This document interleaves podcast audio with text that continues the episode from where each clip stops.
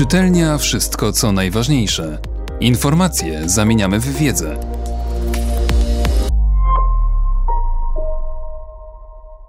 Profesor Zdzisław Krasnodębski. Europa jako wyzwanie.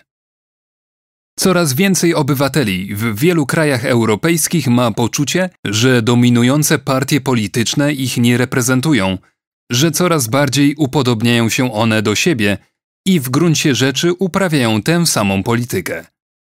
Wyzwoleni ze wschodu. Nowa sytuacja w Europie zmusza do refleksji nad zadaniami, przed którymi staje polska polityka zagraniczna. Świat, w tym także Europa, jest dziś bardziej skomplikowany niż w pierwszych dekadach po 1989 roku, kiedy tworzył się nowy ład polityczny na kontynencie. Dziś ulega on daleko idącej transformacji. Znajdujemy się na progu kolejnej epoki. Czasy, kiedy w polityce zagranicznej zasadnicze kwestie były jasne i nie wymagały większego wysiłku intelektualnego, mijają. Po 1989 roku polska polityka zagraniczna była oparta na bardzo prostych zasadach. Także dlatego łatwiej było co do niej się porozumieć ponad podziałami partyjnymi. Najogólniej rzecz biorąc, chodziło o wyrwanie się ze wschodu, a więc ze strefy wpływów Rosji, pozbycie się pozostałości komunizmu oraz integrację z Zachodem. Nasze doświadczenia ze wschodem sprawiały, że i słusznie byliśmy gotowi zapłacić wielką cenę, byle tylko znaleźć się na Zachodzie. Oczywiście pogrobowcy PRL nadal spozierali na Rosję jako swego i Polski sprzymierzeńca. Pamiętamy o moskiewskich pieniądzach i o NATO bis i innych tego rodzaju pomysłach. Ale nawet niedawni komuniści szybko dostrzegli atrakcyjność Zachodu jako nowego protektora i płatnika, który mógł im o wiele więcej zaoferować niż Rosja w stanie kryzysu. Dlatego też wierną prosowieckość szybko zamienili na niemal równie wierną proamerykańskość i europejskość. Stać się częścią Zachodu to oznaczyło przede wszystkim członkostwo w NATO i w UE, co udało się osiągnąć w 1999 i 2004 roku, a także uczestnictwo w innych organizacjach i formatach. Znaczyło to także zbliżanie się do zachodniego stylu życia oraz poziomu konsumpcji i dobrobytu. Po 30 latach Polska ciągle jest krajem uboższym niż wiele innych położonych na zachód od nas – ale nie ulega wątpliwości, że również cywilizacyjnie osiągnęliśmy ów cel wyrwania się ze wschodu, ale historia się nie skończyła. Dzisiaj zawiłym problemem, prawdziwym wyzwaniem dla naszej polityki i gospodarki nie jest jednak wschód, nie jest Rosja. Wiemy, co o niej myśleć. Zdajemy sobie sprawę, że nadal jest ona wielkim zagrożeniem dla naszej wolności, dla naszego istnienia. Nie jest ona żadną miarą atrakcyjną dla Polski. To też otwartych zwolenników Rosji jest w Polsce tylko garstka. Nawet SLD już nie wraca do tematu swoich historycznych powiązań z Rosją. Kandydaci starolewicy w kampanii do Parlamentu Europejskiego nie afiszowali się już swoimi dobrymi relacjami z Rosją. Zagrożenie z Rosji jest zagrożeniem fizycznym, zagrożeniem twardą siłą. Możemy się obawiać rosyjskiej dezinformacji, wojny hybrydowej, ataku cyfrowego, manipulacji, ukrytych wpływów, lecz nie daru przekonywania rosyjskich polityków czy nieodpartego uroku rosyjskiej cywilizacji. Na szczęście nasi partnerzy w NATO zbliżyli się bardzo do naszej opinii na temat Rosji, choć nadal nie należy lekceważyć sił prorosyjskich w Europie. I rosyjskie wpływy wcale nie są najgroźniejsze na skrajnej lewicy i prawicy, lecz w samym centrum europejskiej polityki. Na przykład w socjaldemokracji niemieckiej i części CDU, czy w elitach politycznych i gospodarczych francuskich. Nie będąc graczem światowym, Polska nie interesuje się sytuacją w innych regionach. Chiny, Indie, Bliski i Daleki Wschód, Afryka nie zaprzątają zbytnio naszej uwagi. Media bardziej interesują się kolejną pożałowania godną aferą lub aferką niż tym, co dzieje się na przykład w Chinach, w Iranie czy Libii, a co może wysadzić w powietrze cały nasz świat. Unia Europejska, USA, Europa Środkowo-Wschodnia, Rosja i kraje pomiędzy Do działań w tych regionach sprowadza się nasza polityka zagraniczna. Do 2015 roku Polska systematycznie ograniczała swój horyzont, zamykając placówki dyplomatyczne w wielu regionach świata. Nawet PRL, satelita ZSRR, był bardziej ambitny i bardziej światowy niż trzecia RP. Czy jednak i w naszym najbliższym europejskim otoczeniu potrafimy trafnie zdiagnozować problemy i działać zgodnie z tą diagnozą? Czy mamy przemyślaną długofalową strategię europejską?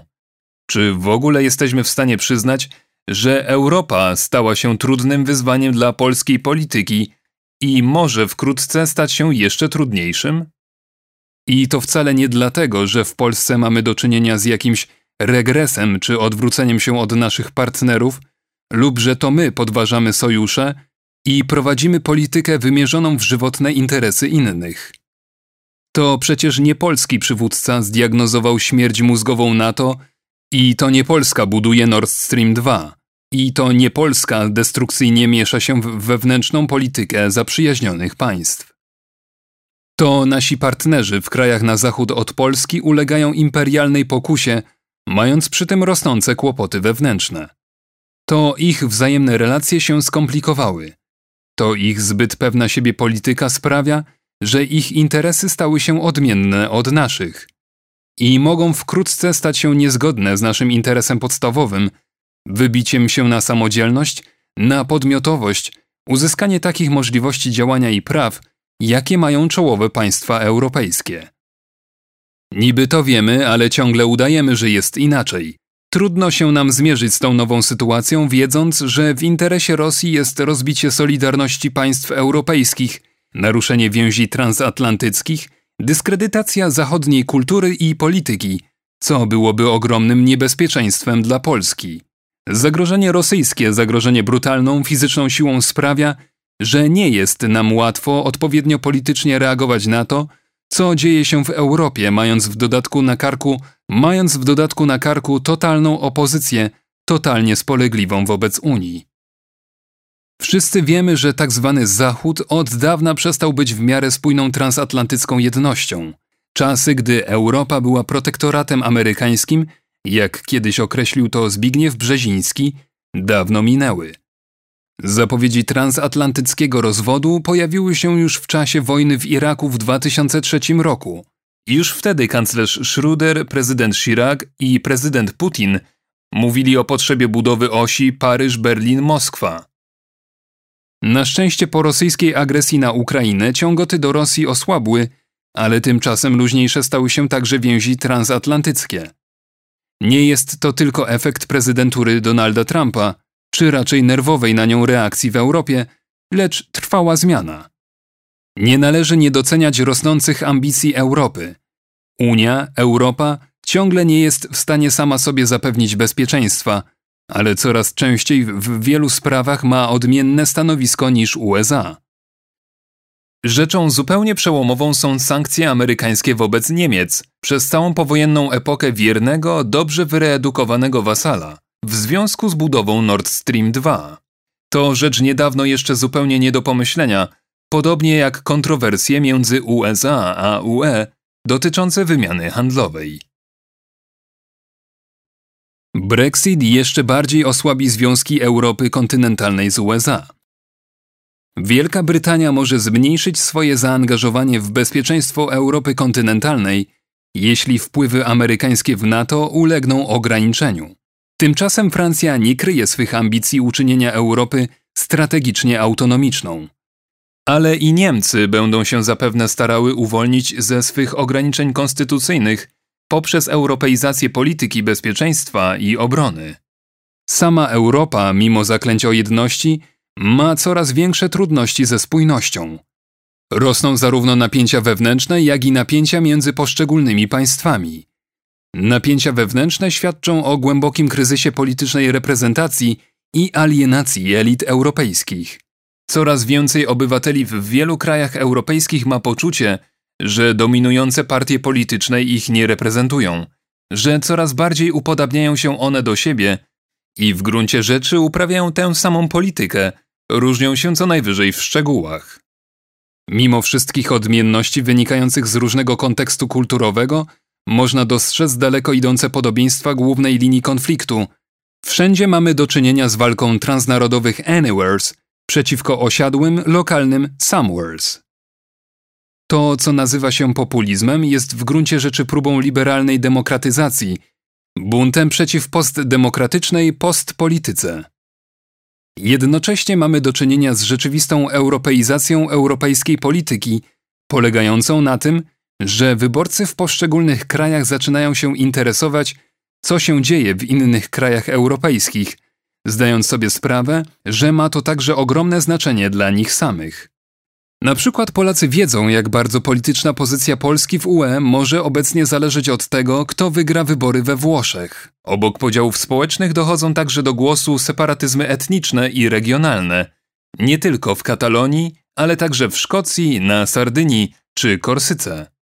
Przy okazji upada dawna, szeroko rozpowszechniona w naukach społecznych teza, jakoby narody Europy Zachodniej były bardziej skonsolidowane i starsze niż w Europie Środkowo-Wschodniej. W rzeczywistości tylko niektóre państwa w Europie można uznać za państwa narodowe. Na pewno nie jest nim Belgia i, jak się okazuje, Wielka Brytania. Duopol w Europie Między państwami europejskimi coraz częściej iskrzy. Niedawno gorący był spór francusko-włoski o politykę imigracyjną. Hiszpania ma za złe niektórym belgijskim politykom mniej lub bardziej ukryte wspieranie dążeń Katalonii – Wielka Brytania skłonna była podejrzewać, że to Francja utrudniała negocjacje w sprawie Brexitu. Także relacje francusko-niemieckie dalekie są od idylli. Te dwa państwa wprawdzie niedawno odnowiły układ elizejski i nadal głoszą, że są motorem Unii, choć w stosunku do całej Unii na pewno dużo słabszym niż w latach 90., ale rywalizacja między nimi jest bardziej zacięta. We Francji daje o sobie znać nostalgia za czasami, gdy Europa Środkowo-Wschodnia była oddzielona od reszty żelazną kurtyną. I trudno się nawet Francji dziwić, gdyż od przełomu lat 1989 i 1990 rozpoczął się wyraźny spadek jej znaczenia, trochę na jej własne życzenie. Jest to dziś kraj pogrążony w zbiorowym przygnębieniu, melancholijny i wstrząsany protestami, z nadmiernie ambitnym prezydentem, bardziej zainteresowany tym, co się dzieje na południu w basenie Morza Śródziemnego, w Afryce niż w Europie, zwłaszcza w jej części wschodniej. Francuzi doskonale mogą sobie wyobrazić Unię bez Europy Środkowo-Wschodniej, bez Polski. Dlatego zablokowanie przez nich rozmów akcesyjnych z Czarnogórą i Macedonią Północną nie było przypadkowe. Natomiast Niemcy zbyt wiele mają interesów w tej części Europy, by na to przystać. Gospodarka niemiecka nie może zrezygnować ze środkowoeuropejskiego hinterlandu. Niemcy są więc zainteresowane kontrolą Europy Środkowo-Wschodniej, nie jej wykluczeniem. Łączy więc nas z nimi żywotny interes zachowania zasadniczej spójności Europy powstałej w 1989 roku, a także idea rozszerzenia jej o kraje zachodnio-bałkańskie, a nawet w przyszłości dalszego rozszerzenia jej na wschód. Nie można jednak wykluczyć, że strategiczne interesy zbliżą w przyszłości do siebie Francję i Polskę, jeśli tylko Francja zrozumie, że orientowanie się na jednego tylko partnera w Europie nie służy ani Francji, ani Europie. Jednak na razie zamiast odbudowywać europejski prestiż Francji, Emmanuel Macron antagonizuje kolejne kraje. Mijający właśnie okres hegemonii Niemiec nie wyszedł Europie na zdrowie. Niemcy z państwa moralnie upadłego w II wojnie światowej stały się, jak siebie z lekką tylko samoironią prezentują, mocarstwem moralnym oraz ulubionym państwem liberalnej lewicy jako modelowa demokracja liberalna i główny promotor integracji europejskiej. Dzisiejsza unijna niechęć do narodów, ich historii i kultury, do państw narodowych, ogólne potępienie nacjonalizmu to rezultat przeniesienia niemieckiej narracji przezwyciężenia przeszłości na poziom ogólnoeuropejski. Rozgrzeszone ze swej dawnej winy Niemcy odgrywają dziś rolę surowego strażnika poprawności politycznej i pamięci o Holokauście jako zbrodni paneuropejskiej. W rzeczywistości każdy, kto ma jakie takie pojęcie o polityce europejskiej, szybko dostrzega olbrzymią rozbieżność między wysoką moralną samooceną i szczytnymi deklaracjami, a realną polityką, w której interesy narodowe Niemiec w większości przypadków biorą górę nad względami ogólnymi. Bezceremonialnie traktuje się przy tym słabszych partnerów. Pamiętamy, z jak wielkim oburzeniem w południowej Europie spotkała się forsowana przez Niemcy unijna strategia radzenia sobie z kryzysem finansowym, chroniąca przede wszystkim wierzycieli.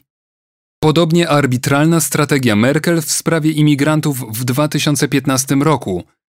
Przyjęcie ogromnej liczby imigrantów, a następnie próba ich rozlokowania w innych krajach wywołała opór Grupy Wyszehradzkiej. W polityce energetycznej i klimatycznej również dostrzeżemy podobną, godną podziwu umiejętność realizowania własnych interesów pod osłoną pięknej retoryki europejskiej. Na przykład długotrwałe odsuwanie na bok problemu emisji w transporcie w celu ochrony przemysłu samochodowego. Dopiero afera Dieselgate spowodowała zmianę nastawienia w Europie, gdzie jakoś nikomu przedtem nie przyszło do głowy, by sprawdzać prawdziwość podawanych przez producentów danych. Ostatecznie Francja i Niemcy, dwa kraje rywalizujące o przywództwo w Europie, każdy otoczony wianuszkiem klientów, skazane są na porozumienie. Francja bez Niemiec niewiele miałaby do powiedzenia w Europie, ale i Niemcy bez Francji nie mogą skutecznie kierować Unią. Parogodzinna panika, która wybuchła w Niemczech po tym, jak Francja zgodziła się w Radzie Unii Europejskiej na otwarcie negocjacji nad groźną dla Nord Stream 2 rewizją dyrektywy gazowej, na wyjęcie jej z unijnej zamrażarki, była pod tym względem niezwykle charakterystyczna. Dramatycznie pytano wówczas w mediach niemieckich, czy oznacza to zbliżający się koniec Unii. Po parunastu godzinach osiągnięto porozumienie. W zamian za ustępstwa w kwestii praw autorskich w internecie, Francja zgodziła się na takie osłabienie zapisów dyrektywy gazowej, że Niemcy odetchnęły z ulgą. Irytacje w Niemczech wywołały także działania podjęte przez prezydenta Macrona przy powoływaniu nowej Komisji Europejskiej, zablokowanie kandydatury Manfreda Webera i podważenie całej procedury kandydatów wiodących. Dodatkową komplikację stanowi fakt, że prezydent Francji jest niepopularny w swoim kraju, a Niemcy czeka po odejściu Merkel okres niestabilności, najprawdopodobniej z rządem CDU, CSU i Zielonych, który będzie na pewno bardziej ideologiczny, ale zapewne nie mniej narodowy. W obopólnym interesie obu państw jest jednak dalsza centralizacja Unii, w celu dyscyplinowania peryferii i kumulowania siły, która pozwoli im odgrywać wyśnioną rolę światowych mocarstw. W pojedynkę, a nawet we dwójkę są za małe dla świata, choć duże w Europie. Występując w imieniu Unii, mogą aspirować do roli podmiotu polityki światowej. Ale pod warunkiem, że Europa będzie mówić jednym głosem. Ten jeden głos, którym ma mówić Europa, to w istocie głos tego duopolu, modulowany przez instytucje europejskie. To też dążenie do centralizacji leży w ich geostrategicznym interesie i niepomiernie wzmocni się po ostatecznym wyjściu Wielkiej Brytanii, która dotąd hamowała ich zapędy. Otwarci na przestrzał. Europa ma dziś obowiązującą, choć nie do końca sprecyzowaną i skodyfikowaną ideologię, zmutowany liberalizm. Oczywiście importowane po 1989 roku do Europy Środkowo-Wschodniej idee liberalne nigdy nie były w tak radykalnej formie wcielane w rozwiniętych gospodarkach i państwach. Sama Unia prowadzi przecież politykę interwencjonistyczną i bynajmniej nie jest powściągliwa, gdy idzie o regulacje. Dokonywana w czasach dominacji neoliberalizmu transformacja pokomunistyczna w Polsce – przyniosła ze sobą zmianę cywilizacyjną i wzrost zamożności. Polska odniosła wyjątkowy sukces gospodarczy, ale za cenę uzależnienia, z którego dziś chce się uwolnić. Ten typ gospodarki, który powstał u nas, ten typ gospodarki, który powstał u nas, teoretycy różnorodności kapitalizmu nazywają zależną gospodarką rynkową. Kapitał nie miał narodowości tylko na wschód od Odry – Podczas gdy inne kraje chroniły odpowiednią politykę finansową i podatkową, z Polski wypływały miliardy.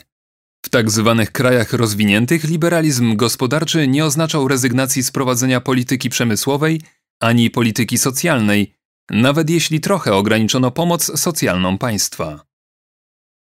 Nie tylko jednak neoliberalne idee gospodarcze, lecz również liberalizm polityczny, importowany przez nas w latach 90., prowadził do uzależnienia Polski, osłabiając możliwości politycznego działania państwa.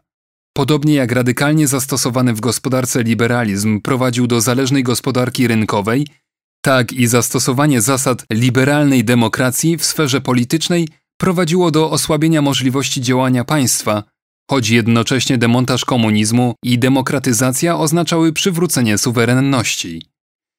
Oczywiście, tak jak w gospodarce i w dziedzinie instytucjonalno-politycznej, decentralizacja i delegacja kompetencji była konieczna, ale bez pozbawienia się możliwości sterowania, które w nowoczesnym państwie musi być dokonywane subtelniejszymi, bardziej wyrafinowanymi metodami. My zaś z neofickim zapałem wyposażyliśmy samorządy w daleko idące uprawnienia, korporacje zawodowe w samorządność, pluralizowaliśmy media przez ich wyprzedaż zagranicznym inwestorom. I w tym wypadku dominowało przekonanie, że im mniej państwa, tym lepiej.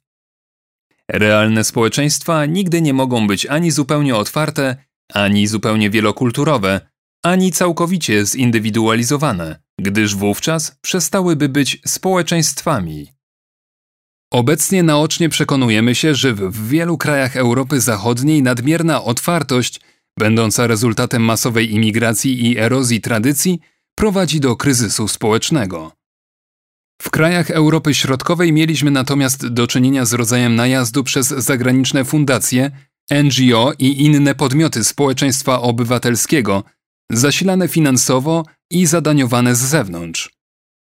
Polskie społeczeństwo obywatelskie tylko po części było i jest rezultatem samoorganizowania się Polaków – jego opiniotwórcze i wpływowe ośrodki są często wytworem dyplomacji publicznej krajów mających ważne interesy w Polsce.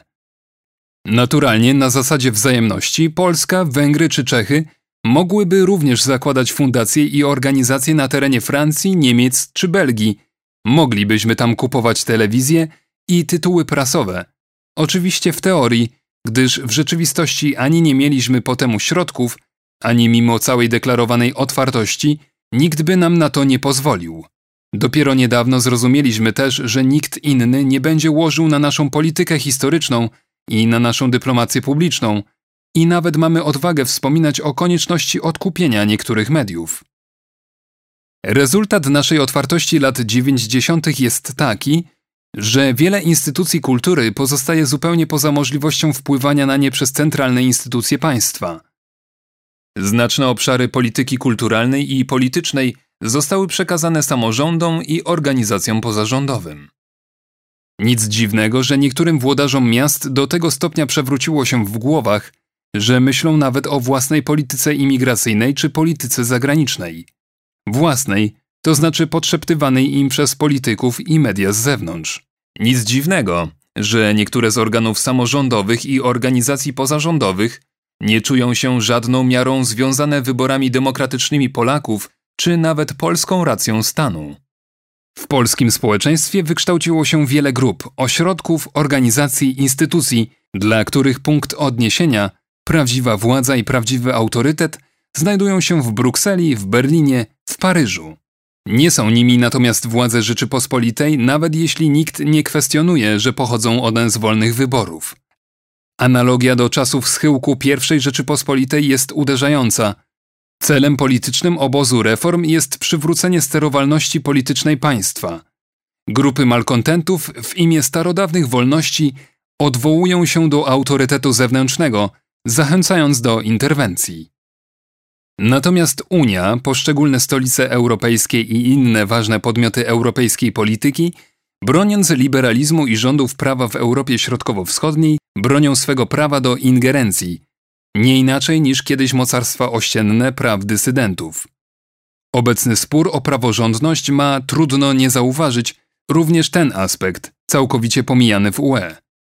We wszystkich krajach demokracji liberalnej daje o sobie znać ekspansja władzy sądowniczej, wchodzącej w kompetencje polityczne, zastępującej rządy i parlamenty – Nigdzie jednak programowo nie pozostawiono sądów i sędziów bez żadnej kontroli. Na przykład w Niemczech podkreśla się w debacie publicznej, że Reichsstaat nie oznacza Richterstaat, ale jeśli chodzi o Polskę, politycy niemieccy będą bez zastanowienia wspierać stowarzyszenia sędziowskie broniące przywilejów, których sędziowie nie mają i nie mogą mieć w ich kraju, i obsypywać nagrodami każdego, który wystąpi przeciw pisowskiej władzy. Wprowadzenie ogólnego mechanizmu sprawdzania praworządności jeszcze zwiększyłoby te możliwości, gdyż trudno przypuszczać, by te same zasady postulowane wobec krajów Europy Środkowo-Wschodniej były wcielane również w krajach rdzenia, by tam zgodzono się ubezwłasnowolnić instytucje polityczne, jeśli chodzi o organizację sądownictwa i powoływanie sędziów.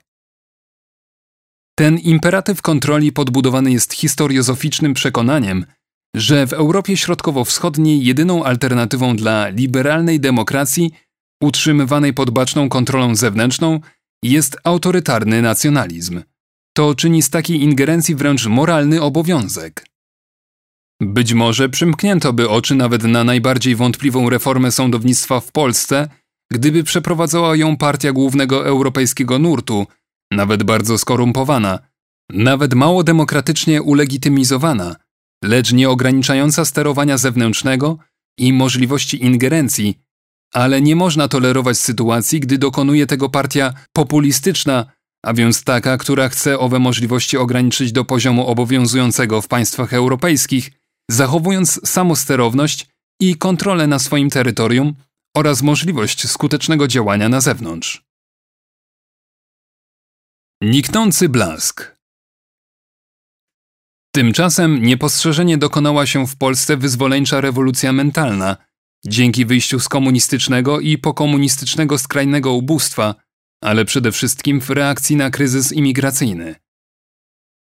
Otóż Zachód, Europa przestały być niedościgłym wzorem, pożądanym modelem, alfą i omegą. Owszem, chcielibyśmy być jeszcze bardziej podobni do czołowych krajów w Europie pod względem zamożności, ale nie chcemy przyjąć obowiązującej ideologii.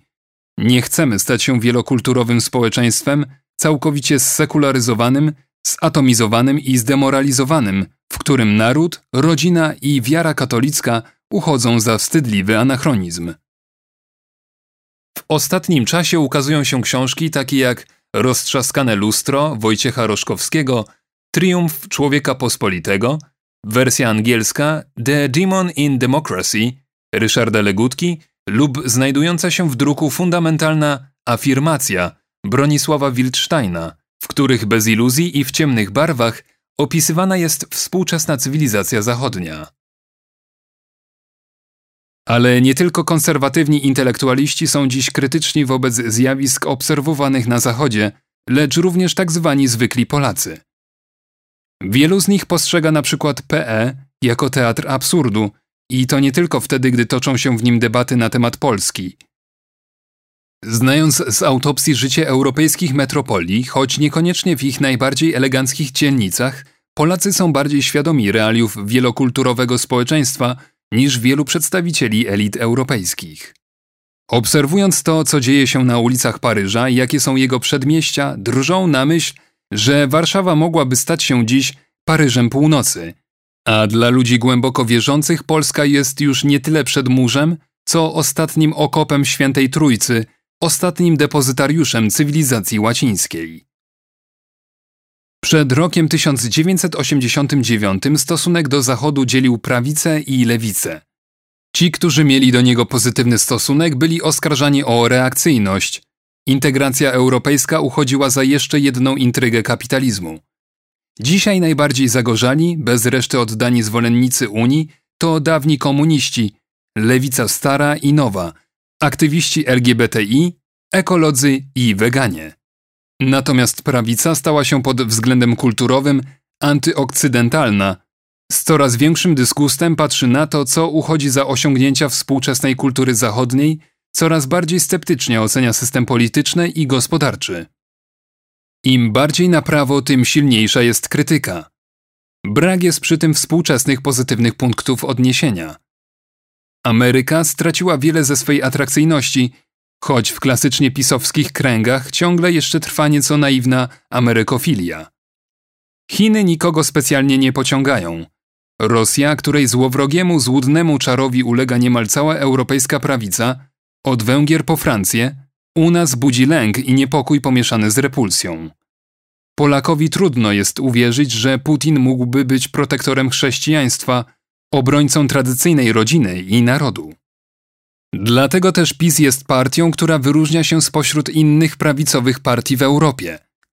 Nie odrzuca Unii, nie zmierza w stronę byłej Hadecji, która dawno już wyrzekła się chrześcijaństwa i zamiast Europy ojczyzn chce europejskiego imperium, potrzebującego, jak każde imperium, nowego, ukształtowanego według swej miary poddanego i obywatela, nowego Europejczyka, wyzwolonego z więzi i lojalności narodowych. PiS nie podziela jednak także idei wielu partii prawicowych i skrajnie prawicowych, z których wiele ma zgoła inne korzenie historyczne i ulega rosyjskiemu czarowi. To sprawia, że PiSowi trudno byłoby utworzyć jedną frakcję w PE ze Zgromadzeniem Narodowym, Ligą, AfD czy FPU. Ale to PiS pokazuje drogę do sukcesu siłą odnowy w Europie. Jest nim połączenie programów socjalnych i konserwatyzmu aksjologicznego z naciskiem na obronę narodowej tożsamości. PiS wzmacnia ten program odwołaniem do polskich tradycji wolnościowych oraz do ruchu oporu z czasów II wojny światowej, a także pozytywnym nastawieniem do integracji rozumianej jako solidarność wolnych narodów. Dziś nawet w Wielkiej Brytanii partia konserwatywna, dotychczas łącząca daleko idący permisywizm obyczajowy z ideami wolności gospodarczej i neoliberalną polityką fiskalną, wygrała ostatnie wybory dzięki hasłom obrony brytyjskiej tożsamości, połączonym z obietnicami socjalnymi, skierowanymi do tych, którzy przegrywali w procesach globalizacji, porzuceni w dawnych ośrodkach przemysłowych, zapomniani na prowincji. Za waszą wolność i naszą. Trwanie Unii jest w żywotnym polskim interesie, także geopolitycznym. W naszym interesie jest dalszy rozwój jednolitego europejskiego rynku, szczególnie cyfrowego i w dziedzinie usług, przełamanie monopolów, wyrównywanie szans, osławiony level playing field, wspomniany w co drugim dokumencie unijnym.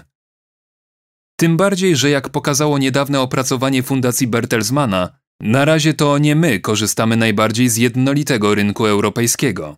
Wręcz przeciwnie. Licząc na głowę mieszkańca, jesteśmy pod tym względem czwartym od końca państwem, wyprzedzając tylko Łotwę, Rumunię i Bułgarię.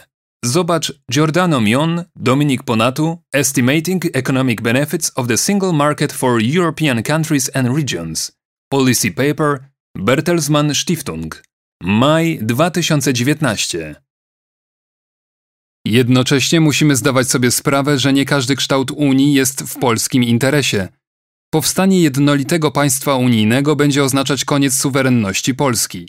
Także struktura imperialna z rdzeniem państwowym i z rozmytymi strukturami państwowymi na peryferiach będzie oznaczała, że możliwości naszego działania będą coraz bardziej ograniczone. Suwerenność nie tyle zostanie nam odebrana, co ulegnie uwiądowi. Nie ma żadnej historycznej konieczności, by Europa zmierzała w tym kierunku. I wiele zależy od Polski, od tego, czy i jak będzie działać w ramach Unii, czy będzie w stanie stać się czynnikiem wpływającym na jej politykę i jej przyszły kształt. Nie może oznaczać klientelizmu, skwapliwej usłużności, polityki bycia przy stole, bez określenia celów tego bycia, jak przed 2015 rokiem. Europa jest dziś w innym miejscu, więc tęsknota za tym, żeby było tak jak było, jest w polityce zagranicznej równie beznadziejna, jak w polityce krajowej. Czasy, w których wydawało się, że nie musimy myśleć, gdyż inni robią to za nas, że trzeba tylko implementować dyrektywy i rozporządzenia unijne i wykorzystywać fundusze, minęły bezpowrotnie. Nie wystarcza także polityka tylko negatywna i w ostatecznym rachunku ustępliwa, sprowadzająca się do tego, że w każdym przypadku nowej inicjatywy legislacyjnej KE zaczynamy od kontestacji, by potem ostatecznie ulec, w najlepszym razie nieco tylko osłabiając wyjściową propozycję. Polska musi uzyskać zdolność inicjowania korzystnych dla nas procesów w Europie, jeśli nadal chce być czymś więcej niż jednostką administracyjną. Nie da się również obronić naszego cywilizacyjnego modelu na linii Odry z mentalnością oblężonej twierdzy. Musimy znajdować i kreować sojuszników, wspierając na miarę naszych możliwości siły konserwatywnej odnowy, które pojawiły się w wielu krajach europejskich. Musimy uprawiać europejską dyplomację publiczną na szeroką skalę, obchodząc nieprzyjazne nam rządy i zwracając się bezpośrednio do tych grup społecznych i organizacji, które możemy pozyskać dla swojej sprawy. Po 30 latach od upadku komunizmu Polska jest nadal zaliczana do nowych demokracji, do krajów postkomunistycznych, które nie przeszły tak zbawiennych procesów jak rewolucja 1968 roku. Niestety często sami wzmacniamy tę narrację, zbyt wiele mówiąc o naszych klęskach i ofiarach. Czy w latach 70. XX wieku mówiono o Włoszech lub Niemczech jako krajach postfaszystowskich, mimo obecności wielu dawnych narodowych socjalistów i faszystów w elitach tych krajów? Mimo obecności wielu dawnych narodowych socjalistów i faszystów w elitach tych krajów? A przecież są także kraje, których tradycje demokratyczne i wolnościowe są nieporównanie słabsze niż w Polsce. Są kraje w UE, jak Niemcy, Grecja, Portugalia, Hiszpania, w których istniały endogenne dyktatury, a nie przyniesione na bagnetach obcych armii. Mimo, że od 15 lat jesteśmy w Unii, Polska ciągle uważana jest za jednego z nowych członków Unii, w domyśle o nieco niższym statusie. Czasami tego rodzaju określenie słyszy się nawet w Austrii, Finlandii, Szwecji, które przystąpiły do UE w roku 1995, a więc tylko dekadę wcześniej. Obecnie wiele krajów w Europie zmaga się z korupcją i niestabilnością polityczną. To często politycy tych krajów wypowiadają się z troską na temat Polski, w tym z tak słynących z praworządności i stabilności potęg europejskich jak Cypr, Malta, Luksemburg czy Belgia. Pozycji politycznej w Unii nie wywalczy się ani umizgami, ani krzykiem, ani martyrologią. Nie pomogą także same racjonalne argumenty. Jak zawsze, w polityce ostatecznie liczy się siła. W dzisiejszej Europie przede wszystkim siła polityczna i gospodarcza, dyskretnie wspierane siłą militarną. Polska znajduje się na wznoszącej fali. Dostrzega to każdy, kto przyjeżdża do naszego kraju.